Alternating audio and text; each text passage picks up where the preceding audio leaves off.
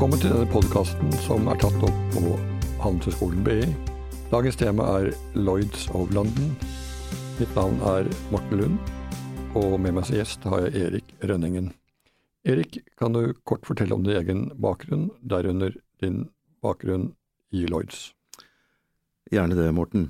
Eh, jeg er forsikringsmann fra innerst til ytterst, og har jobbet med alt fra skadeoppgjør til polisutstedelse til eh, reassuranse underwriting og i de senere år reassuransemegling. Jeg har tilbrakt ni år i London-markedet eh, som Lloyds megler i et egetstartet startet meglerfirma for reassuranse.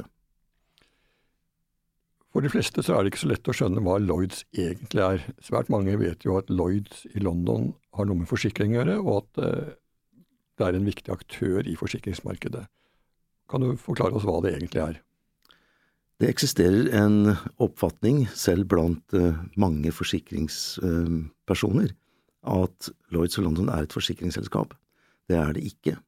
Lloyds of London er en eh, organisasjon som sitter rundt eh, i dag noen og åtti syndikater som hver for seg representerer forsikrings- og reassuransekapasitetsgivere. Organisasjonen Lloyds er et serviceorgan. De står for eie og drift av bygningen som heter Lloyds. De står for servisering, administrasjon av disse syndikatene. De står for overvåkning av forretningsplaner, strategier, budsjetter osv. Og, og fremfor alt så har de eiendomsretten til merkevaren Lloyds, eh, og med den merkevaren så følger det også lisensrettigheter eh, til 80–90 ulike land rundt omkring i verden, slik at syndikatene, de noen og 80 syndikatene som jeg nevnte, eh, får da, ved å være en del av Lloyd-systemet, tilgang nettopp til disse territoriene uten å måtte gå veien om en tungvint byråkrati for selv å søke lisens. Basert på det, det du nå har fortalt, er det naturlig å si at Lloyds egentlig er et eget forsikringsmarked? Det er helt riktig, Morten. Lloyds en, representerer en markedsplass for kjøp og salg av forsikringer av alle mulige sorter og slag innenfor alle mulige bransjer. Den markedsplassen representerer i dag noe sånt som 2017-tallene tror jeg representerte 34 milliarder pund i premieomsetning, altså omsatt i norske kroner 350 milliarder, eller kvart norsk statsbudsjett i premiekroner som gikk gjennom dette, dette systemet, gjennom denne markedsplassen. Syndikatene som eh, tegner eh, disse forsikringene, eh, er knyttet mot, mot enkeltinvestorer, mot storparten av kapasiteten og kapitalen som ligger bak Lloyds i dag, kommer ifra jeg vil si nesten 80-85% kanskje, kommer ifra internasjonale forsikringsaktører som ser muligheten ved å tegne forsikring gjennom virksomheter på Lloyds, som en mulighet til å få tilgang til forretning som de ellers ikke ville fått. Forretningen megles stort sett, ikke stort sett, forretningen megles i sin helhet inn på Lloyds av Lloyds approberte meglere. Det er noe sånt som 280, nesten 300 med faktisk meglere, Lloyds approberte meglere i dag, som har rett til å trade på Lloyds mot disse noen og 80 syndikatene. De har altså enerett til å trade på Lloyds, disse meglerne? Du må være Lloyds approbert for å få lov til å trade på Lloyds. Kan du fortelle litt dette begrepet syndikat, hva er egentlig det? Er, er det et slags forsikringsselskap, eller, eller, er det noe annet? Du kan se på det som et slags forsikringsselskap. Det er jo i prinsippet det det er, men vi bruker begrepet syndikat i to dimensjoner. Dimensjon én er at hvert syndikat, eller kapitalsammensetning på hvert syndikat, kommer ifra ulike individer eller grupper eller selskaper, skråstrek investorer, Eh, slik at kapasiteten på den måten syndikeres inn i den totale, totale kapasiteten på syndikatet. Men den andre måten eh, vi kan bruke syndikatbegrepet på, er at risiki som plasseres på Lois, plasseres svært sjelden 100% hos ett syndikat. Eh, svært ofte ser vi, nesten i de aller fleste tilfeller, ser vi at riskene de blir koassurert, eller koreassurert, Eh, blant mange forskjellige syndikater, og på den måten så syndikeres også riskene som plasseres inn på, inn på Lloyds.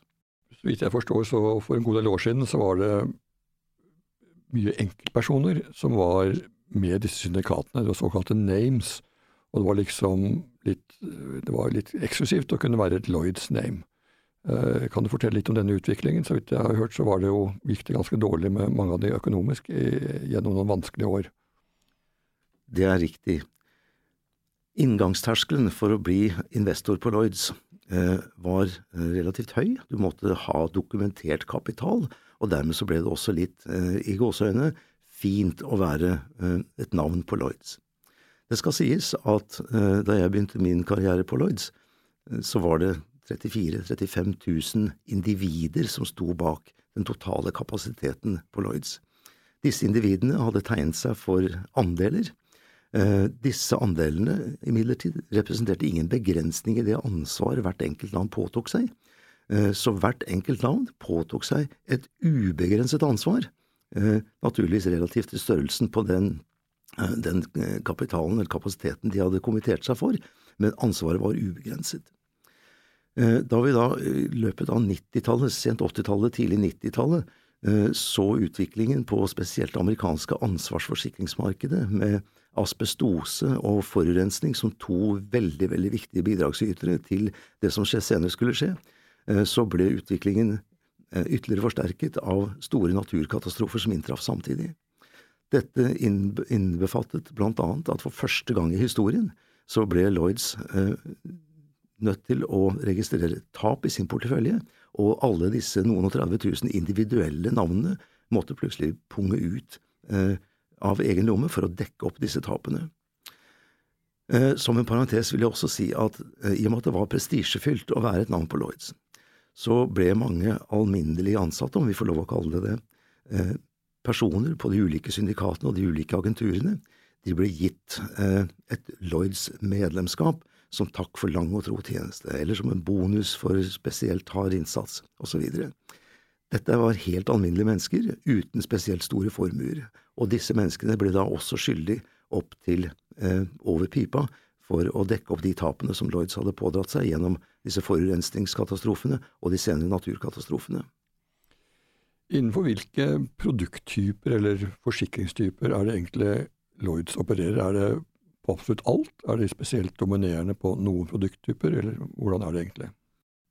Lloyds er, og ønsker å profilere seg, som et spesialmarked for uvanlige, komplekse eller store risikoer. Jeg tror at ser du på porteføljesammensetningen i dag, eh, så vil du nok se at, eh, eh, at det kanskje ikke stemmer helt lenger.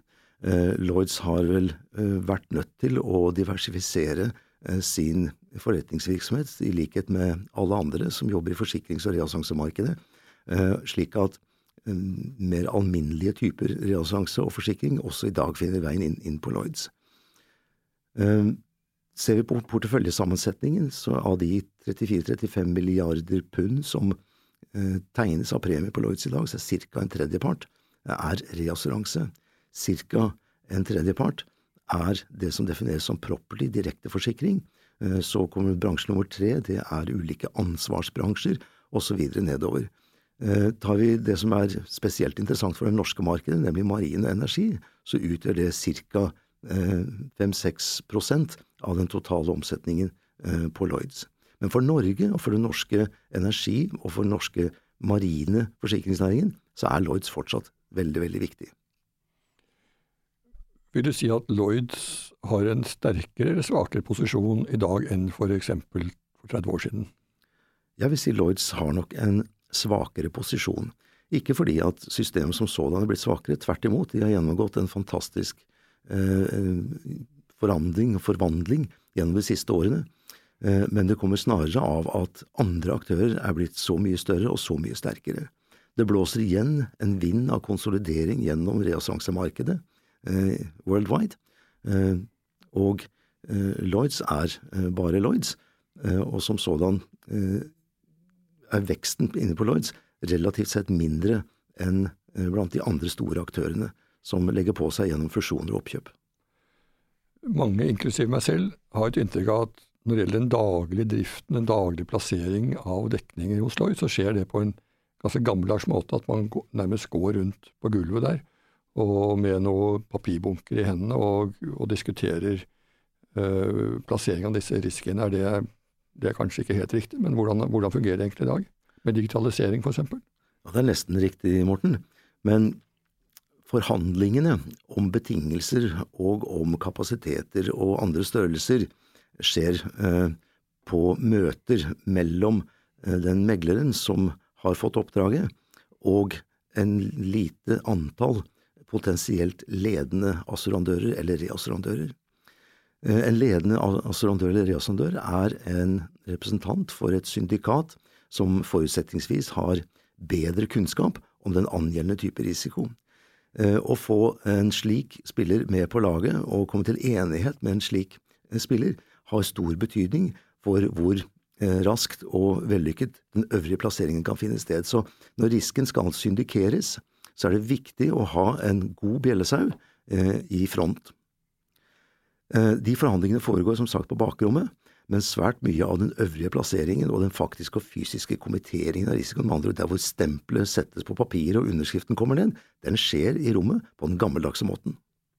Er det slik at når det gjelder utforming av vilkår de, og terms for de sentrale næringene innen forsikring, er det slik at Lloyd har sine egne vilkår stort sett, eller er det mer standardiserte vilkår som også andre tilbydere av dekning opererer med?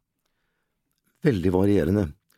Eh, som jeg nevnte, så er Lloyds da gjerne eh, profilerer seg gjerne som et spesialistmarked for de komplekse riskene. Med andre ord, det finnes svært få standarder for den type dekninger.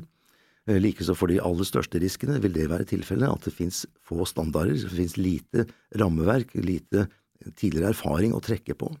Men i mange andre bransjer, og for eksempel for å ta marinemarkedet, så har marinemarkedet Lloyds ligget langt, langt foran alle andre markeder når det gjelder standardisering av kontrakter og, og ordlyder. Disse meglerne som nevnte, som er autorisert uh, til å megle inn mot Lloyds, og som da har eksklusiv rett til å gjøre dette, er dette stort sett meglere som er tilknyttet til store internasjonale meglerhusene, eller er det små individuelle meglerselskaper som da nærmest får oppdrag fra andre meglere, for å, slik at det blir på en måte to meglere på samme transaksjon? Både og.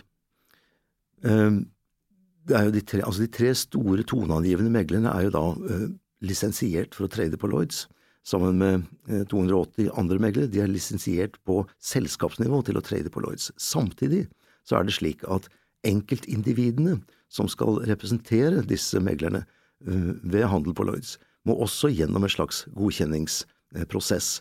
Tester og prøver som skal tas, og, og man skal approberes. Eh, mange av de store meglerhusene har filialer i andre land. Disse filialene, i den utstrekning de ikke er de, den utstrekning de ikke har egen lisens, og det har de færreste, eh, når de skal plassere forretning for Lloyd, så må de gjerne gjøre det gjennom morselskapet sitt, som er basert i London, og som har eh, den eh, selskapsmessige lisensen. Disse Lloyd-syndikatene er det slik at hvert syndikat spesialiserer seg på visse forsikringstyper, og, og kun tar risiko på disse typene, eller prøver de å ha et bredere spekter av risikotyper innenfor hvert syndikat? I dag så opererer nok de fleste syndikatene eh, i mange bransjer. Eh, dels fordi eh, kritisk masse er viktig, størrelse har en betydning, og størrelse er det lettere å få gjennom å diversifisere eh, ut via andre bransjer. Så i dag så ser vi nok at de fleste syndikatene tegner eh, ulike bransjer. Eh, selvfølgelig har de da ulike representanter, ulik ekspertise innenfor disse bransjene, men diversifisering er i dag blitt et nøkkelord, også på Lloyds. Disse syndikatene er, opererer kun på Lloyds-markedet, eller går de ut ellers i verden og tar forsikringer der? Om vi da tar Norge som et eksempel, som jeg synes er et godt eksempel, så ser vi at flere av de store, spesielt energisyndikatene eh, på Lloyds, har etablert seg med, eh, med filialer eller med representantkontorer eh, i, i, Norge. Det kan være innenfor energi, marine, eller det kan være innenfor for eksempel fiskeoppdrett.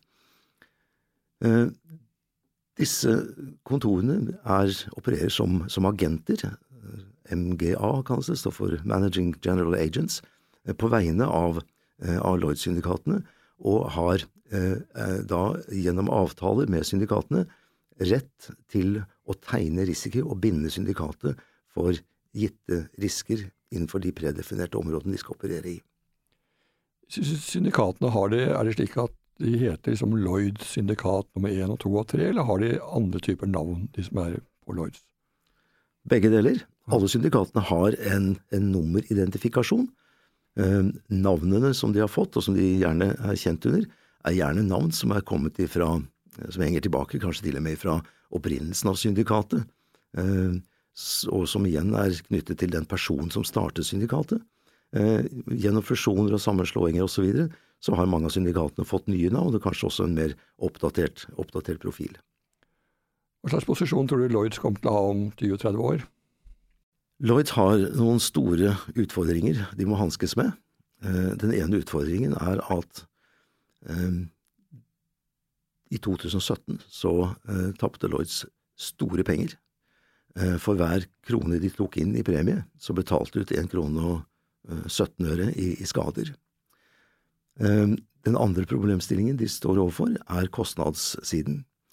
Eh, det fins knapt noen aktør i verden i dag som har en høyere kostnadsprosent enn Lloyds.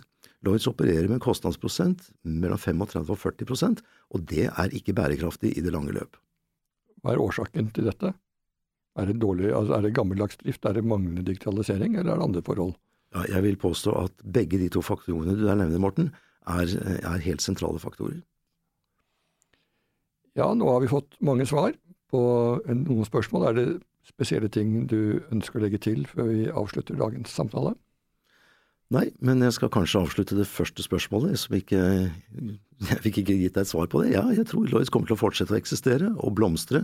Jeg tror uh, at utfordringene ikke bare er anerkjent, men at det blir, blir arbeidet intenst med å få løst utfordringer som de har. Så ja, jeg tror på Lloyds for fremtiden. Takk for samtalen.